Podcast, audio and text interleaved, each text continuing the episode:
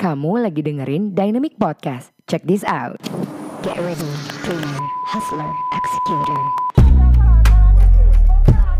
Thank you for listening to Dynamic Podcast. I'm your host Dayang Melati, founder dan juga CEO dari Dynamic Indonesia, sebuah marketing dan branding agency yang membantu para pengusaha, organisasi, hingga personality untuk berkomunikasi lebih baik agar bisa mencuri hati sehingga dapat melakukan transaksi dengan penuh percaya diri. Nah, sebentar lagi kamu akan mendengarkan cerita yang penuh kisi-kisi pelajaran dari seorang pemimpi menuju pejuang yang penuh dengan aksi. Agar segala keinginan gak hanya ke bawah mimpi. This is your Dynamic Podcast. Jangan ke bawah mimpi doang. Here we go. Hi, welcome back people. This is your host Dayang Leti and you're listening to Dynamic Podcast. Jangan ke bawah mimpi doang. Well, different than another another um, occasion. Actually, I'm here by myself. Actually, this time it's quite special. Karena apa? Uh, karena kita akan ngobrolin tentang, um, you know, digital marketing activations and branding activations. Uh, actually, it comes to my attention very much, very, very, very much. Karena sebagai seorang praktisi dan juga seorang konsultan dan juga seorang strategis, uh banyak banget ya. But that's for the fact, you know, um, there are actually so many theories out there. There are so many apa ya namanya case studies, you know, uh, opinions, uh, facts, and saying like, okay, let's go branding, you know, and ternyata pas ternyata udah diaplikasi the brand or uh, yang they so called strategy branding doesn't really impact into the outcome of the brand owner which is sebenarnya pasti apa sih semua semua bisnis pasti pengen cuan lah kan. And I have a very very uh, I have a very interesting um, I have a very interesting um, discussion with one of uh, top coach in Indonesia it was uh, coach Tom and he said ada yang kalau emang the good brand is a good sale and the good sale will bring the good brand. Make sense gak sih? So I think I it comes to you know the point yang kayak gue bener-bener mikir um, what he said is true, but gimana sih cara kita benar-benar mengaplikasikan tersebut mengaplikasikan hal tersebut kepada bisnis kita sehari-hari? If you guys know that I'm actually myself an entrepreneur by running an agency, by running some other businesses, you know, and of course there are a lot of people consulting about how actually to take off their business gitu kan apa sih patternnya gitu?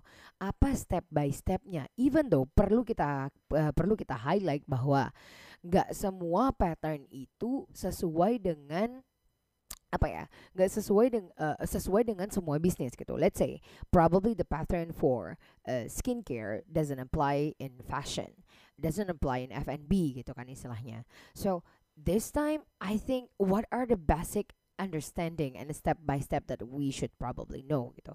Karena emang probably uh, good sales emang bring good branding because however it is gitu kan. Ya gimana lu mau nge-branding kalau nggak ada yang beli bro? Gitu kan.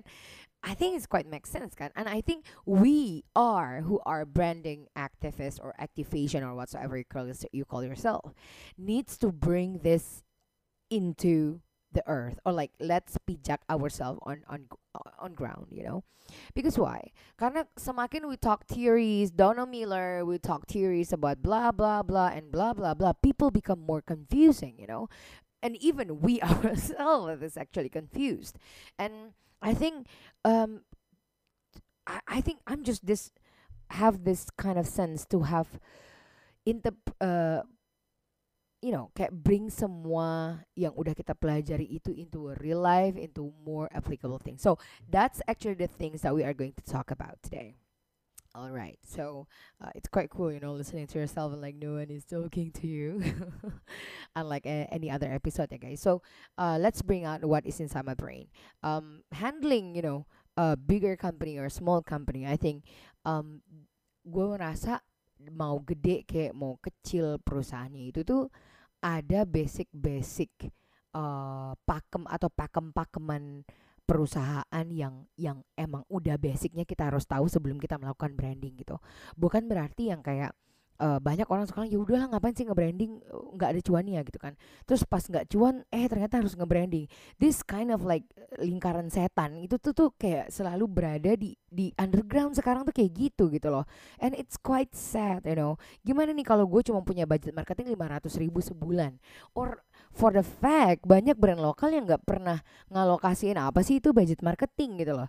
So let's say with the minimum uh, budget that we have gitu istilahnya, um, how actually we are going to execute this branding and also marketing things.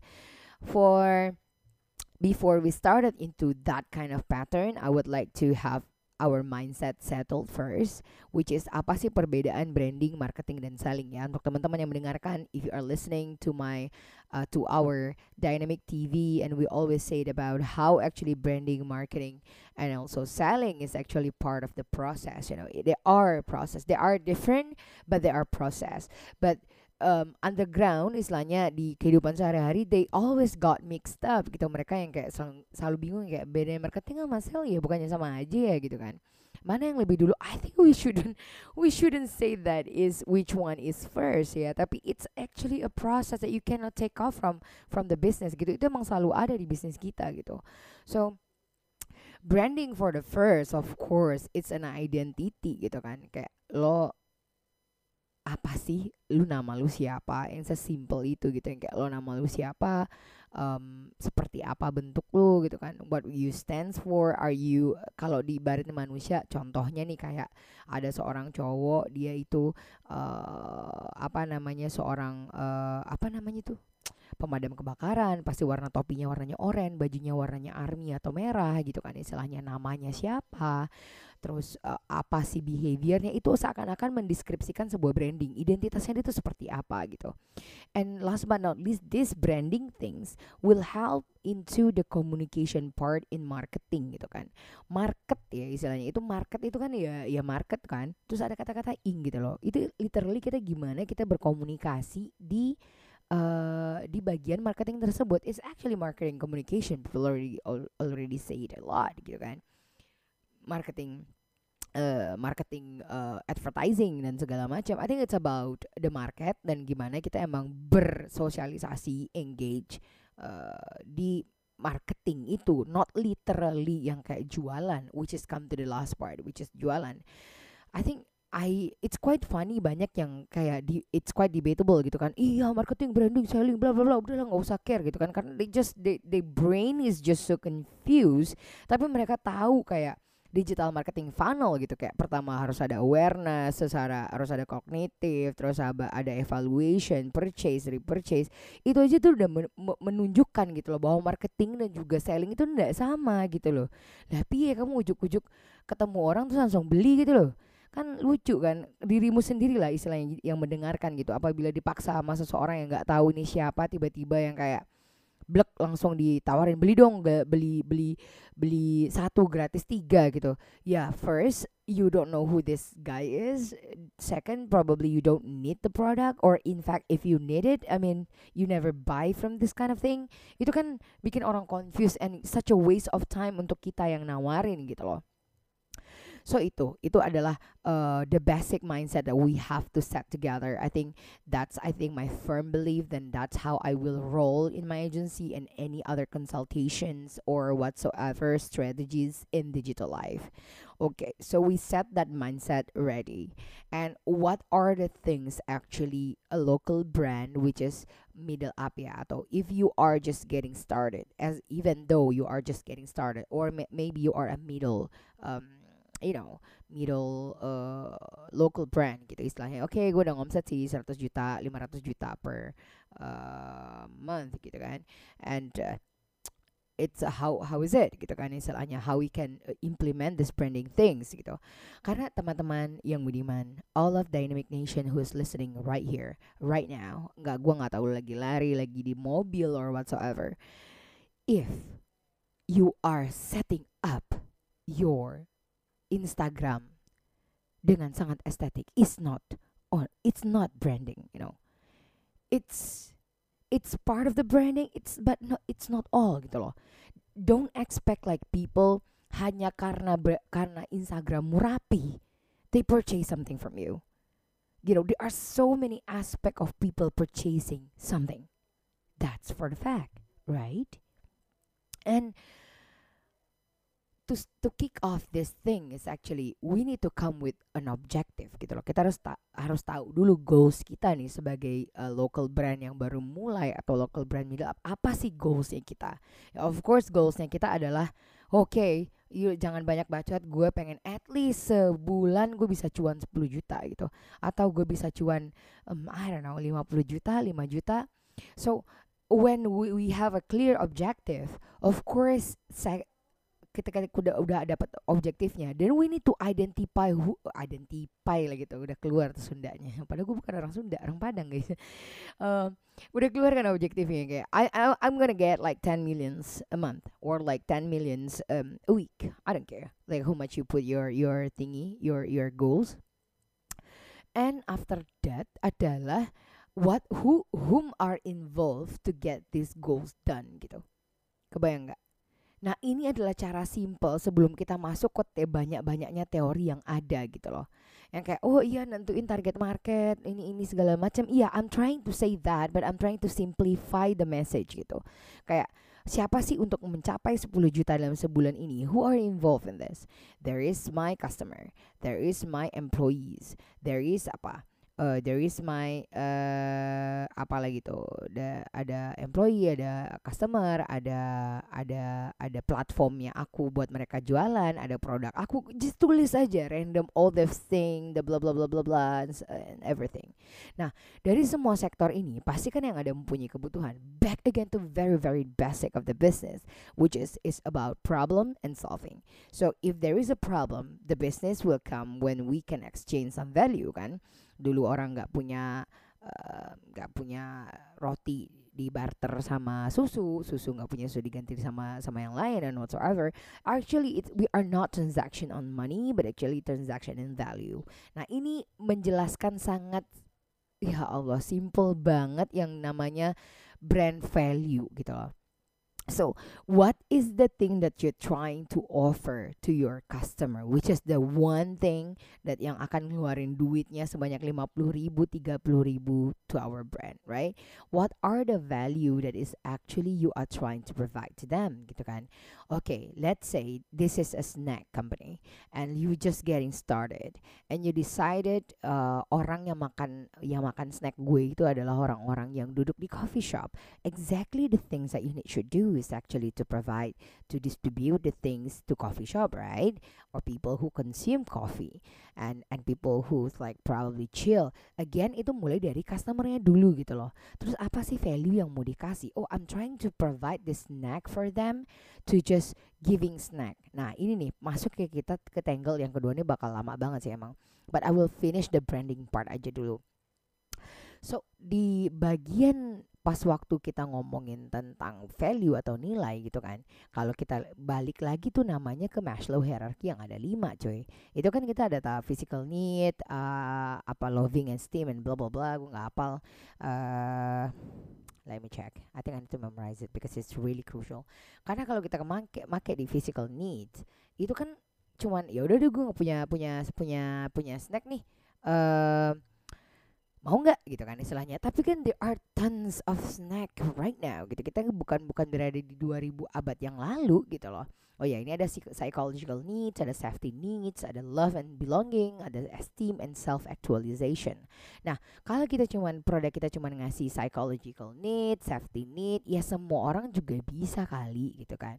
But if we are looking at the those big big brands gitu let's say kayak um, apa sih yang gak tadi kita ngomongin kopi ya so let's say you know the the brands of everybody Starbucks gitu kan. Apakah eh, apakah dia jualin kopi doang? No kan? Ya kalau jual kalau mau minum kopi mah di tem- banyak tempat mah ada gitu kan safety atau needs personal security, employment, resourceful, and being healthy. Okay, to enjoy that you are drinking coffee, makanya lu bisa ngeboost your uh, your caffeine atau segala macam. Ya semua kopi juga bisa ngasih itu kali, ya nggak sih? Terus apa lagi? Love and belonging, which is uh, friendship, intimacy. Ya di coffee shop yang lain kalau buat kayak gitu gue juga bisa kan. Tapi mereka udah nyampe di like top two level of of the needs gitu istilahnya to, to provide the value they are not providing only psychological safety, love, you know. They pro providing esteem and self actualization. Bayangin gak tuh? Therefore, the the the higher you go in Maslow hierarchy, the more expensive your product will be. Gila tuh. Yang kayak, okay, gue Starbucks, gue nggak cuma ngasih lo yang cuman buat safety and blah blah blah, tapi if you are uh, drinking Starbucks, it means you are uh, you are an expensive person. You are actually well well off person you you you belong to those kind of community gitu kan istilahnya. Balik lagi komunitas nih cuy. And I think itu itu value yang yang seharusnya kita kita kita cek lagi ke diri kita gitu. So tapi in every in every lima lima stages ini itu distribusi konten bagaimana branding touch pointnya seseorang dengan produk kita itu tuh berbeda. Dan dan gini loh teman-teman Dynamic Nation out there uh, from all over Indonesia. Doesn't mean yang kayak oh ya berarti gue harus jadi kayak Starbucks dong ya Dai gitu. Gue pengen jual mahal berarti gue harus lihat Starbucks. So I think this is all come back again to you gitu loh. What are you trying to sell actually? So let's say you only come to the uh, emang sesimpel yang kayak pengen jualan snack kayak ya udahlah gue pengen jualan snack yang harga lima ribuan gitu. Ya udah gitu kalau seandainya emang cuman buat seperti itu ya pakai distribusi level level one. Eh level one iya bener. Which is yang eh sorry distribusi level zero. Yang mana lu distribusin ke sebanyak mungkin beli resa jual reseller taruh warung-warung gitu kan sebanyak mungkin yang bisa dikasih gitu karena contoh itu yang dilakukan oleh makanan makanan-makanan yang snack-snack yang uh, diproduksi oleh Unilever atau Mayora kayak Beng Beng, kayak Top, kayak apalagi tuh coklat-coklat yang murah kayak gitu. Apa sih yang bikin mereka naik bahkan mereka sampai IPO e, berada di bursa saham? Ya actually they are actually building their power of distribution sehingga produk itu gampang dibeli gitu loh. That's what happened between teh botol sosro dan juga pucuk harum sekarang. I think I saw the ads sama Kang Dewa kan kemarin eh ya gue ini nih bla bla bla gitu gitu kan. Sehingga eh ya gue mau beli teh botol so tapi ternyata nggak ada gitu. Nggak ada cuma ini doang. So if you are talking about you know like safety needs psychological needs yang kayak gitu gitu kan masih di dua level terbawah ya jor-jorannya ya didistribusikan sebanyak mungkin di tempat orang-orang yang ber, untuk target market kamu yang benar-benar jualan itu gitu loh. Let's say this snack is actually provided only for a coffee lover gitu kan. So you already kayak coffee lover and movie lover. Bayangin deh itu tuh udah seniche itu walaupun bisa kita bisa bilang dia ya siapa sih nggak makan kopi siapa sih yang nggak minum min, uh, siapa sih yang nggak nonton gitu kan istilahnya. But if we already brand ourselves to solve those kind of specific target market it will be easy for us later to communicate the message of the brand. Iya nggak tuh asik banget jadinya nge-brandingnya. Mau nge-marketingnya itu cocok banget ke anak-anak yang suka kopi sama anak-anak yang suka nonton. Udah gitu loh. Ya nggak? So kalau kita udah ngomongin kayak gitu we already come into the love and belonging gitu loh istilah oh anjir kalau gue kalau gue uh, mau minum kopi nih uh snacknya harus yang ini nih gitu. So we come into balik lagi ke basic lagi tadi ya teman-teman ya. Mungkin teman-teman yang baru mau jualan or whatsoever. Um, siapa value-nya gimana. Nah, udah kan ya.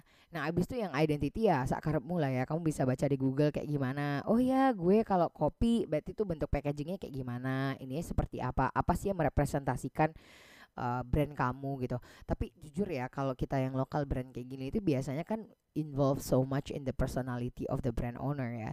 Tapi the brand owner out there juga harus aware yang kayak um, you know like um, you have to see uh, you have to understand where do you want to take this brand and what kind industry are you. Contoh let's say apa Nadiem Makarim suka warna ungu sedangkan dia di uh, transportation business and application pula gitu kan istilahnya. Why it it should be green gitu loh. Ya mostly karena green itu ya showing trust you know showing it's good for transportation it's it's safety and it's uh, trustworthy and stuff like that. So you need to understand those kind of thing. You know by telling kayak gini gue tuh ngerasa kayak peaceful in my brain. Karena apa? Karena uh, I've been thinking about this before bad and whatsoever. Ngomongin yang kayak ini nih gimana ya uh, ngejahit benang merahnya gitu. I'm, I'm so happy that that we talk about this in in in in, in a podcast so uh, itu tadi ya uh, pas kita ngomongin tentang value pas kita ngomongin tentang um, apa tuh namanya value dan juga um, ngomongin value dan juga target market. Nah, sekarang kalau udah kayak gitu, udah nge-branding belum tuh? Ya udah dong berarti. Ya udah dong. So, apa sih yang lu pikirin dari branding? Nge-branding kan udah. Branding itu udah ada sekarang. Udah ada nih branding kita. Cuman the game is the game is actually happen when you try to activate the brand, you know? karena nggak cukup punya branding sekarang gitu ya punya branding mah gampang kayak yang gue bilang tadi 5 menit nggak nyampe udah punya branding gitu kan but how actually we activate the brand towards our customer kita udah tahu nih tadi yang yang uh, branding kita ini untuk orang-orang yang mau makan snack uh, jual uh, yang makan snack sambil ngopi dan juga sambil nonton TV nah so how actually we are going to touch the brand point? So itu penting banget menurut gue dan itu yang yang cuan-cuan pun di pundi cuannya itu tuh datangnya tuh dari situ gitu loh istilahnya.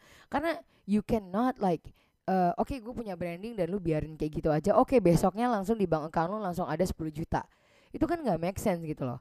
Dan lu berharap yang kayak um, gue udah nentuin warna gue udah memperbarui logo maka gue berhak untuk mendapatkan 100 juta omset lain kayak what Kenapa tadi gue ngomongnya kayak pas ketika kita menentukan branding and kita udah punya goals, okay, my brand is going to have like 10 millions uh, in a month or 10 millions in a week. Nah, we need to oversee siapa sih yang involve yang ada di situ gitu. And and we need to try. Kenapa? Kenapa seperti itu? Because those kind of peoples and sectors will be the key playing role in our marketing communication and also brand activation. Brand aktivasi itu emang literally ya gitu orang-orang yang tadi tuh yang udah lu tentuin tuh tadi. Nah, gimana itu ngejahitnya satu sama lain and they think by purchasing your product they actually lucky mereka beruntung untung gue beli produk lo kedua ini gue banget gitu kan pertama mereka beruntung dan kedua mereka eh merasa dapat nilai lebih gitu kan dibandingin gue dapat yang lain dan akhirnya mereka yang ketiga menghasilkan result atau conversion untuk uh, convert sama lu jatuhnya di sales gitu loh. Nah, marketing ini tuh berarti marketing ini ngapain deh gitu. Nah, di marketing ini lu udah punya nih orang-orang tadi nih. Orang-orang tadi kan udah ada tuh ada ada employee lu, ada aplikasi lu, ada produk lu, ada warna lu, ada tagline lu. Nah, itu tuh lu jahit sama-sama nih contoh nih ya. Terus gimana ada marketingnya gitu kan. Misalnya si tagline snack, snack tadi adalah um, happiness starts here gitu. Ya kan nggak mungkin lu masang pasti marketingnya tuh lu udah tahu tuh. Oh ini kan warna warna snacknya merah nih, dimakannya di kopi nih. Lah jangan pasang ini dong uh, Instagram Instagram account lu yang orang-orang lagi mewek sedih gitu loh ya gimana ekspresinya happy dan segala macam yang kayak gitu emang showcasing the branding side of it. Nah, itu udah marketing activation. Nama eh, eh, udah marketing activation dan branding activation. Nah, dari activation activation itulah akhirnya mereka tertarik sehingga converted jadi sales. Wow, bingo. Ini emang udah thought gue dari tadi malam kepikiran a lot so much gitu yang istilahnya. And um, I'm so happy that akhirnya itu links together. I think it gonna be another track of me. I don't know, gonna talk like this again or whatsoever. But so far it's so peaceful right now after udah di link semuanya. Karena the more I listen to Clubhouse, the more I read books gitu kan. Ya kalau ndak tahu prinsipalnya atau benchmarknya itu tuh susah guys susah untuk ngaplikasinya itu lu bakal buang-buang waktu dengerin CH lu bakal buang-buang waktu baca buku if you cannot you know apply those kind of things into our business. Ya ngapain gitu buang-buang waktu? Mending lu tidur nonton Korea gitu ya gak sih? So be mindful of uh, what kind of things that you are spend your time with And I think I'm Dayang Melati, your host, and I'm done talking. Thank you so much for listening to this dynamic podcast. I'm your host. Eh, udah ya tadi ya guys ya. so please don't jangan kebawa mimpi doang and be wise with your time. Uh, be, be wise of your time. Oke, okay, dynamic podcast jangan kebawa mimpi doang. Bye semuanya.